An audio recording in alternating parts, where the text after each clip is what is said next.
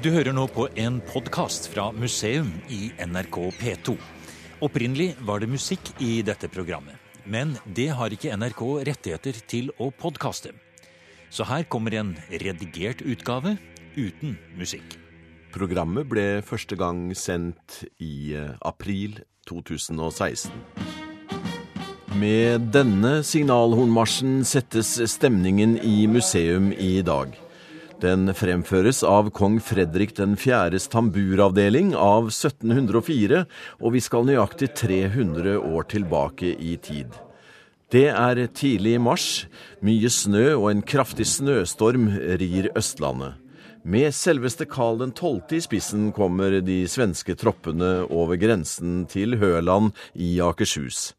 Den store nordiske krig har nådd norsk territorium. Man hadde jo fått etterretninger opplysninger om at svenskene samlet seg rett over grensen, mm. og at noe ville skje. Mm. Men de styrende myndighetene i landet, Slottsloven, mm. med sete på Akershus, de, de ja. trodde ikke på disse Nei. etterretningene. Eh, det er bare løs prat, sa en av de fremste i denne Akkurat. kommisjonen. Så man hadde sendt ut noen styrker for å undersøke, men så ble de sendt tilbake igjen. Ja. Og da kom jo svenskene helt overraskende på, på, på nordmennene. Tom Andersen er historiker og formidler ved besøkssenteret på Akershus festning. Og det er starten på svenskenes angrep på Kristiania han eh, forteller om. Man takker seg i samtiden for at Gud trådde inn på nordmennenes side ja ved å et, kaste en stor storm i øynene på svenskene. Så ja, de ble værende det, det på Høland. Det ble voldsomt snøvær, og det var snø fra før? Det var masse snø fra før av. Veldig vanskelige forhold. Eh, og denne stormen varte i to dager. Det ble værfast rett og slett ved Høland, svenskene. Akkurat. Og de to dagene der var det man trengte for å etablere et, et minsteforsvar, rett og slett. Hadde ikke det skjedd, så hadde det gått fryktelig ille. Angrepet på Kristiania skal vi høre mer om. For på besøkssenteret på Akershus festning ble det nylig åpna en utstilling om disse krigshandlingene. Eh, samtidig var det et eh, seminar på Norsk eh, forsvarsmuseum. Der tok eksperter for seg militær tankegang på 1700-tallet, og om hvor militarisert samfunnet var på den tiden. Også dette skal vi komme tilbake til. Først skal vi høre om et spennende svensk-norsk samarbeid som har resultert i en tospråklig hjemmeside på internett som tar for seg de siste to årene av den store nordiske krig. Bodil Andersson er svensk etnolog, men arbeider ved Halden historiske samlinger, og har vært prosjektleder for dette fredelige, grenseoverskridende arbeidet det var, vi hadde et veldig stort interesse. Eh, vi, vi, begynte med å si at vi må gjøre noe med Karl 12.-saken. Eh, og vi tenkte at det er veldig trist å gjøre alt alene. Det er veldig morsomt å gjøre ting sammen med andre. Eh, så vi tok kontakt med noen som vi tenkte kunne være interessert. Og vi fikk direkte kontakt, og det er veldig morsomt at vi fikk kontakt med forskjellige museer, forskjellige organisasjoner med, med forskjellige ståsteder. At vi har de forsvarsinnrettede museene, og vi har de mer kulturhistoriske museene. Og vi har, eh, jobber sammen med, som et museum i Jamtli i Østersund, som er veldig flinke til formidling. Bl.a.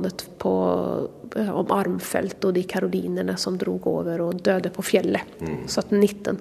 Så vi har en, en, samlet en stor kompetanse, og det er en gruppe som er veldig glad til å dele erfaringer og kunnskaper med hverandre.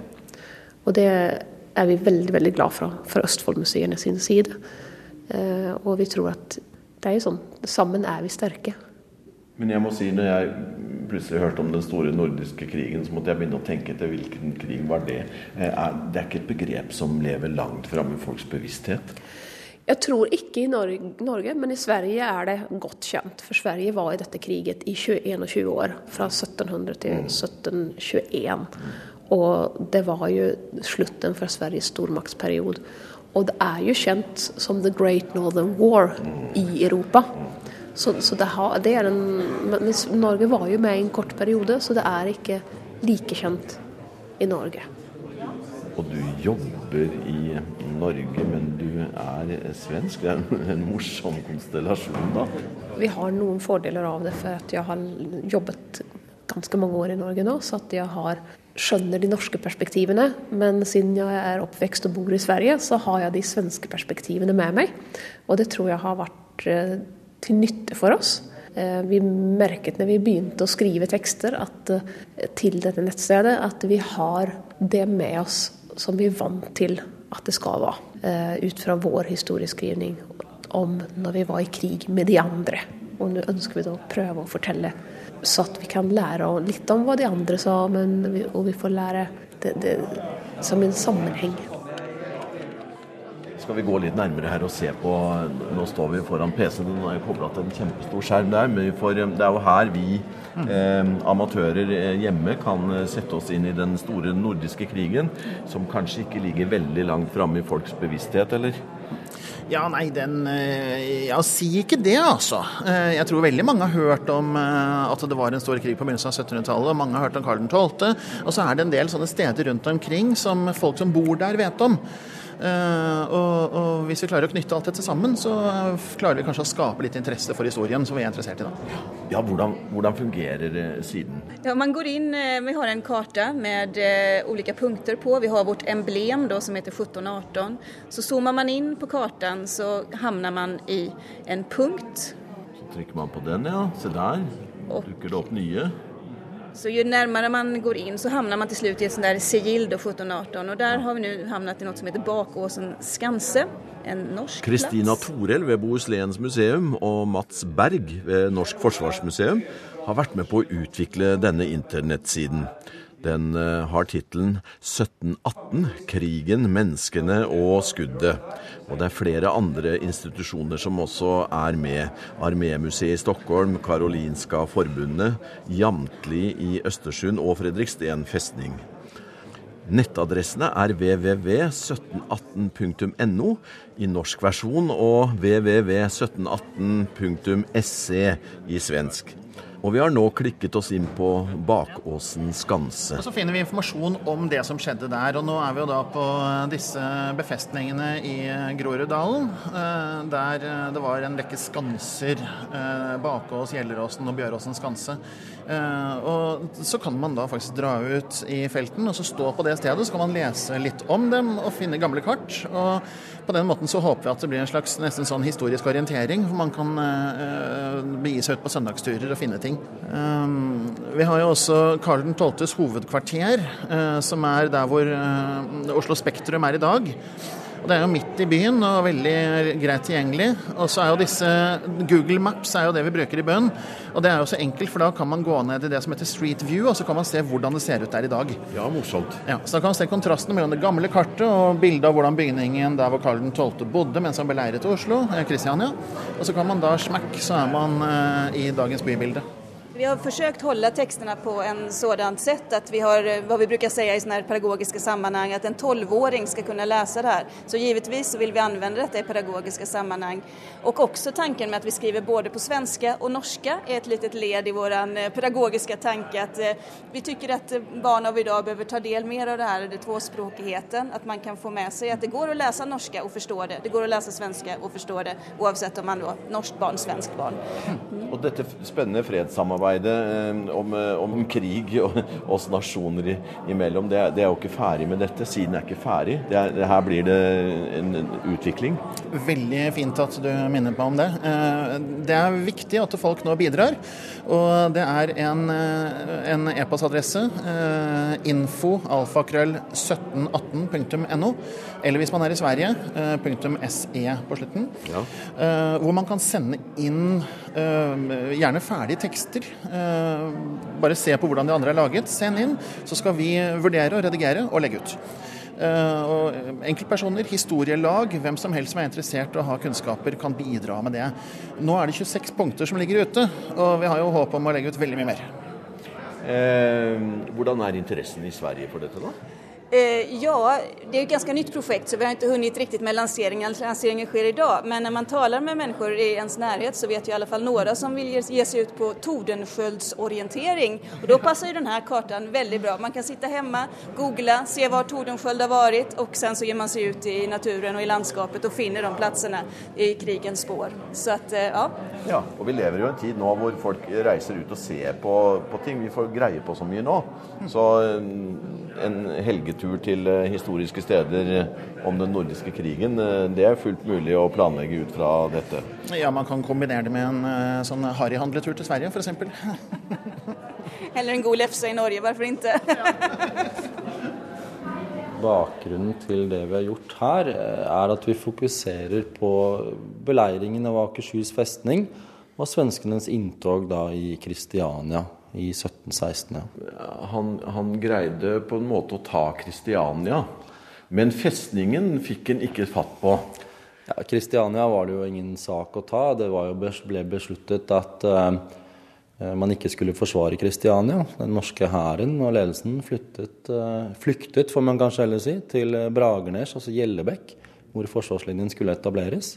Og byens innbyggere, de som hadde mulighet, de rømte til andre steder i landet. Eh, De fattigste ble igjen, eh, tjenestefolket bl.a. Og kommandanten på festningen fikk ordre om å holde festningen koste hva det ville koste. Så her økte man garnisonen eh, til det dobbelte. Så her var det over 3070 soldater i påvente av Karl. 3070 soldater, ja. Helt riktig, 3000. inne på festningen. 3076 var det faktisk, for å være helt konkret, så vidt vi kan forstå av, av listene.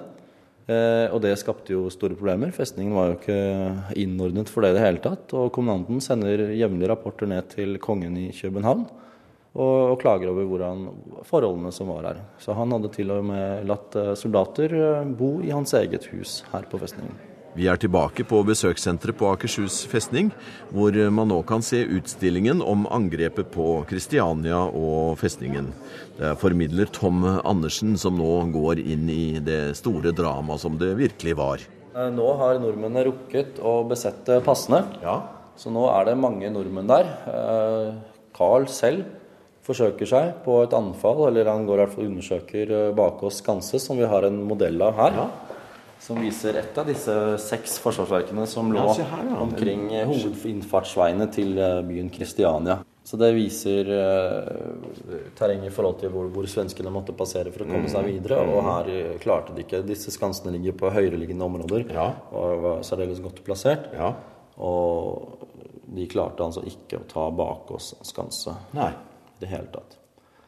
Så de måtte velge en annen vei. Carl selv eh, undersøkte først, og oppdaget, mente da at nordmenn befant seg der, så de var tykke som maur. Altså at det krydda nordmenn der, så det var ikke noe sjans. Nei. Så de måtte prøve ad en omvei. Og til slutt så endte det med at de da flyttet seg ned på, på Oslofjorden selv, ved Bunnefjorden. Nettopp. Og gikk på isen Ja. innunder Ekebergåsen mot Akershus og Kristiania. Når de da kom inn ved Ormsund, så var det innenfor rekkevidden av kanonene på festningen, de som var sydligst plassert. Ja. Og man begynte da en voldsom beskytning mot svenskene. Ut på isen. Ut på isen, ja. Eh, De hadde ikke noe særlig interesse av å være på isen lenger da, så de flyttet seg i ly av øyene i indre Oslofjord. Hovedøya, Bleikøya, ja, Nakkholmen. Eh, og der er det et ganske stort sprang mellom Nakkholmen og det som het Ladegårdsøya, altså Bygdøy nå. Ja, nettopp. Så der valgte svenskene å, å ri én etter én for å unngå store tap. Og så flyttet infanteriet seg altså én etter én. De sprang over isen. Dette var sikkert eh, på et vis artig underholdning for eh, festningens artillerister, som da Ja. forsøkte å plukke ned så mange svensker som mulig. Nettopp. Og fra norsk synspunkt, dessverre, så var det ikke så mange svensker som gikk med. Men enkelte beretninger sier at det gikk med ca. 70 soldater og en hel haug med hester. Akkurat. Så noen fikk man tak i. Ja. i hvert fall. Flyttet seg over Bygdøy og trakk seg videre over eh, mot Gamle Aker kirke. Der la de seg til for natten.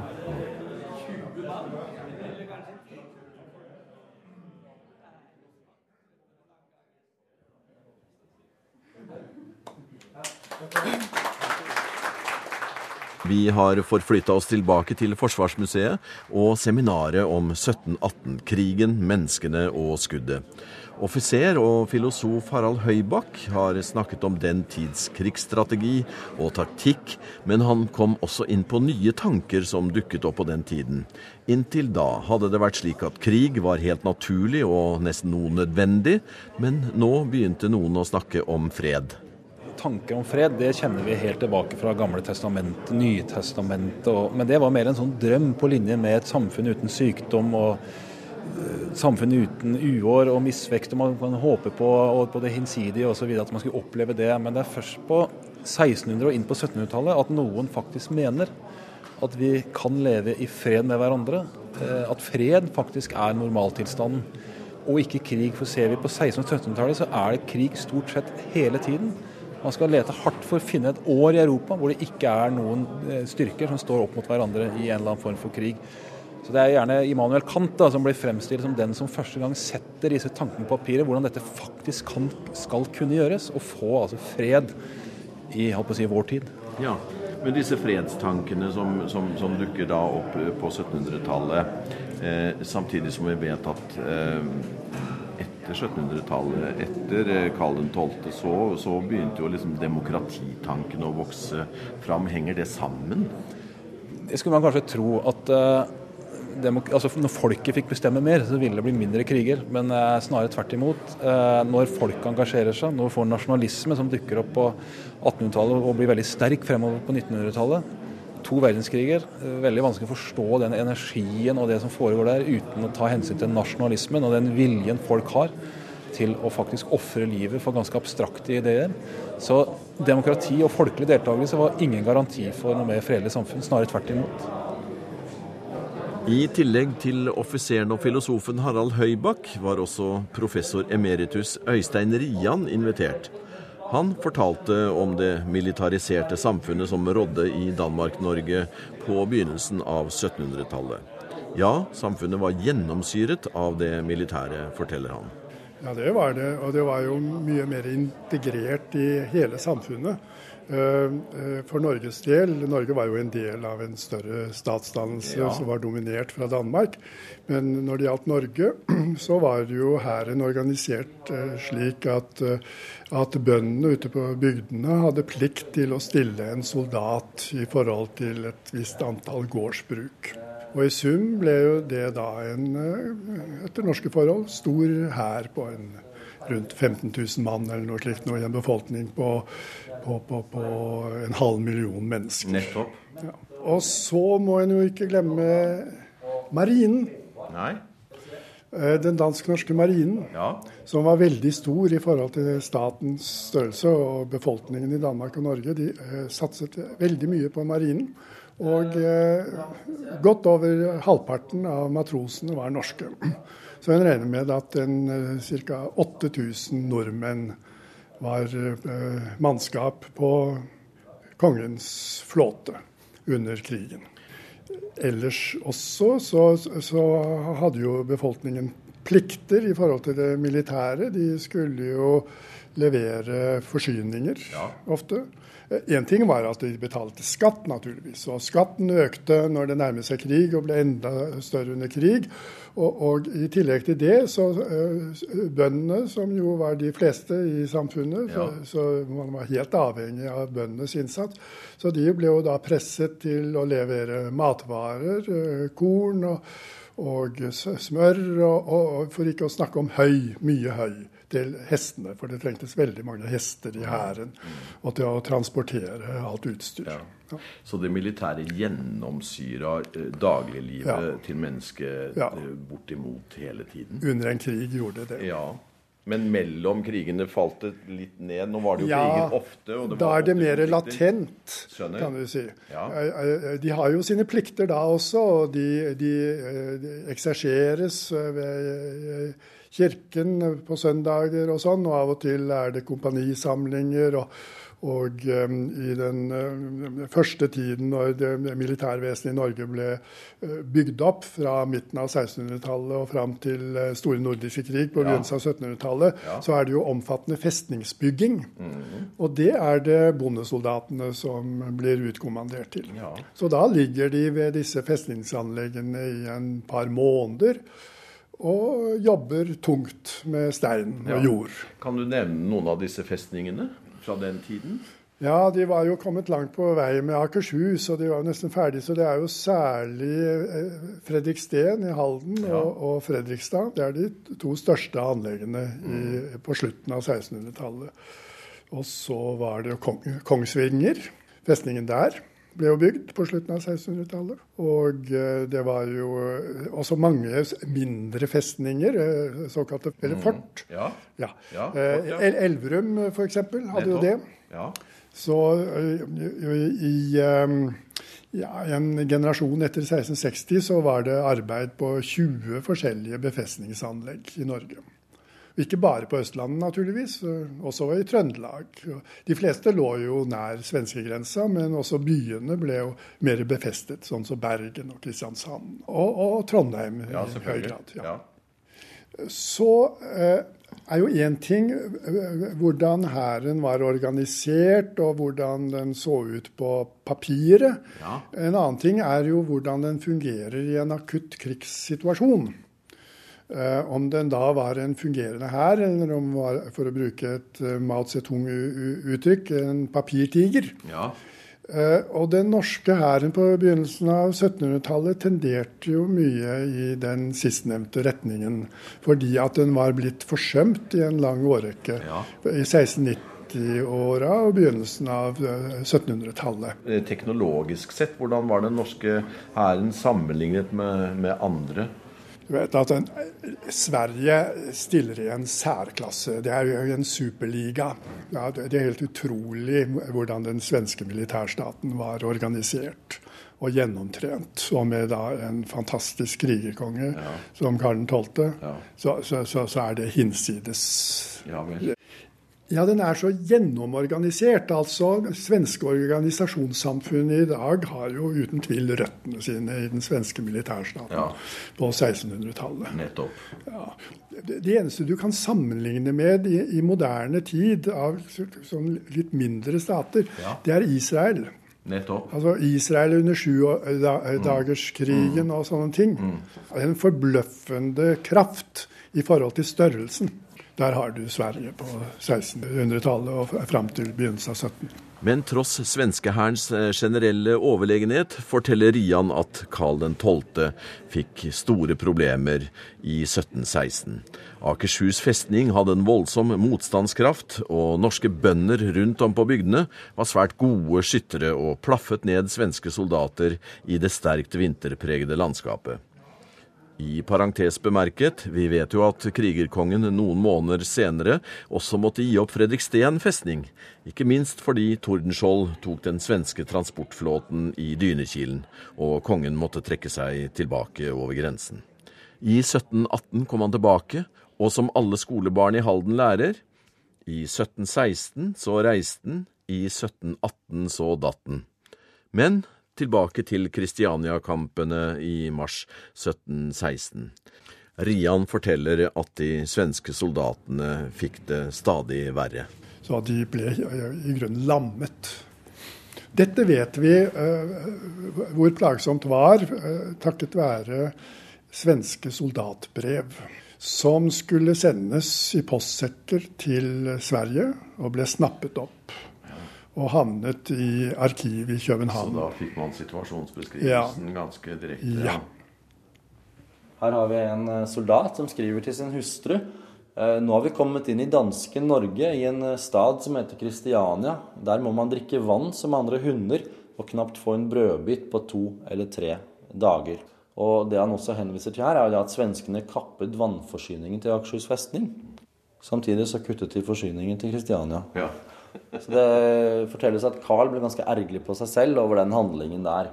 Ja. Eh, videre. Eh, det fins mange syke på vårt regimente, delvis pga. strapatsene, som det står. Eh, delvis fordi de er aldeles nakne.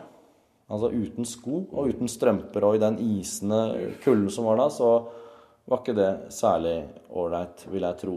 Eh, fiendens dundrende stykkeskudd, eh, som kontinuerlig utgår fra befestningen så vel natt som dag, helt siden vi kom hit, hvor gjennom mangen, eller mongen brav Carl har fått satt livet til, og mange mist både armer og ben. Akkurat. Så det ble rene terroriseringa som denne festningen greide å, å stelle i stand? Ja, svenskene de, de, de, kom egentlig aldri i gang med et reelt angrep på Akershus. Nei. Fordi det de forsøkte seg, de samlet seg for å ta et anfall. Mm. Så fikk festningen nyss om det og økte skuddtakten mot, mot svenskene. De kom seg ikke ut og opp i det hele tatt. Dette her er kanskje den mest betegnende beskrivelsen. Mm fra en korporal til sin hustru. Ty, vi går her hver dag som slaktefår. Slik så den allmenne soldat på situasjonen i Kristiania by. Du har nå hørt en podkast av programmet Museum fra NRK P2. Og send gjerne en e-post til museum krøllalfa nrk.no.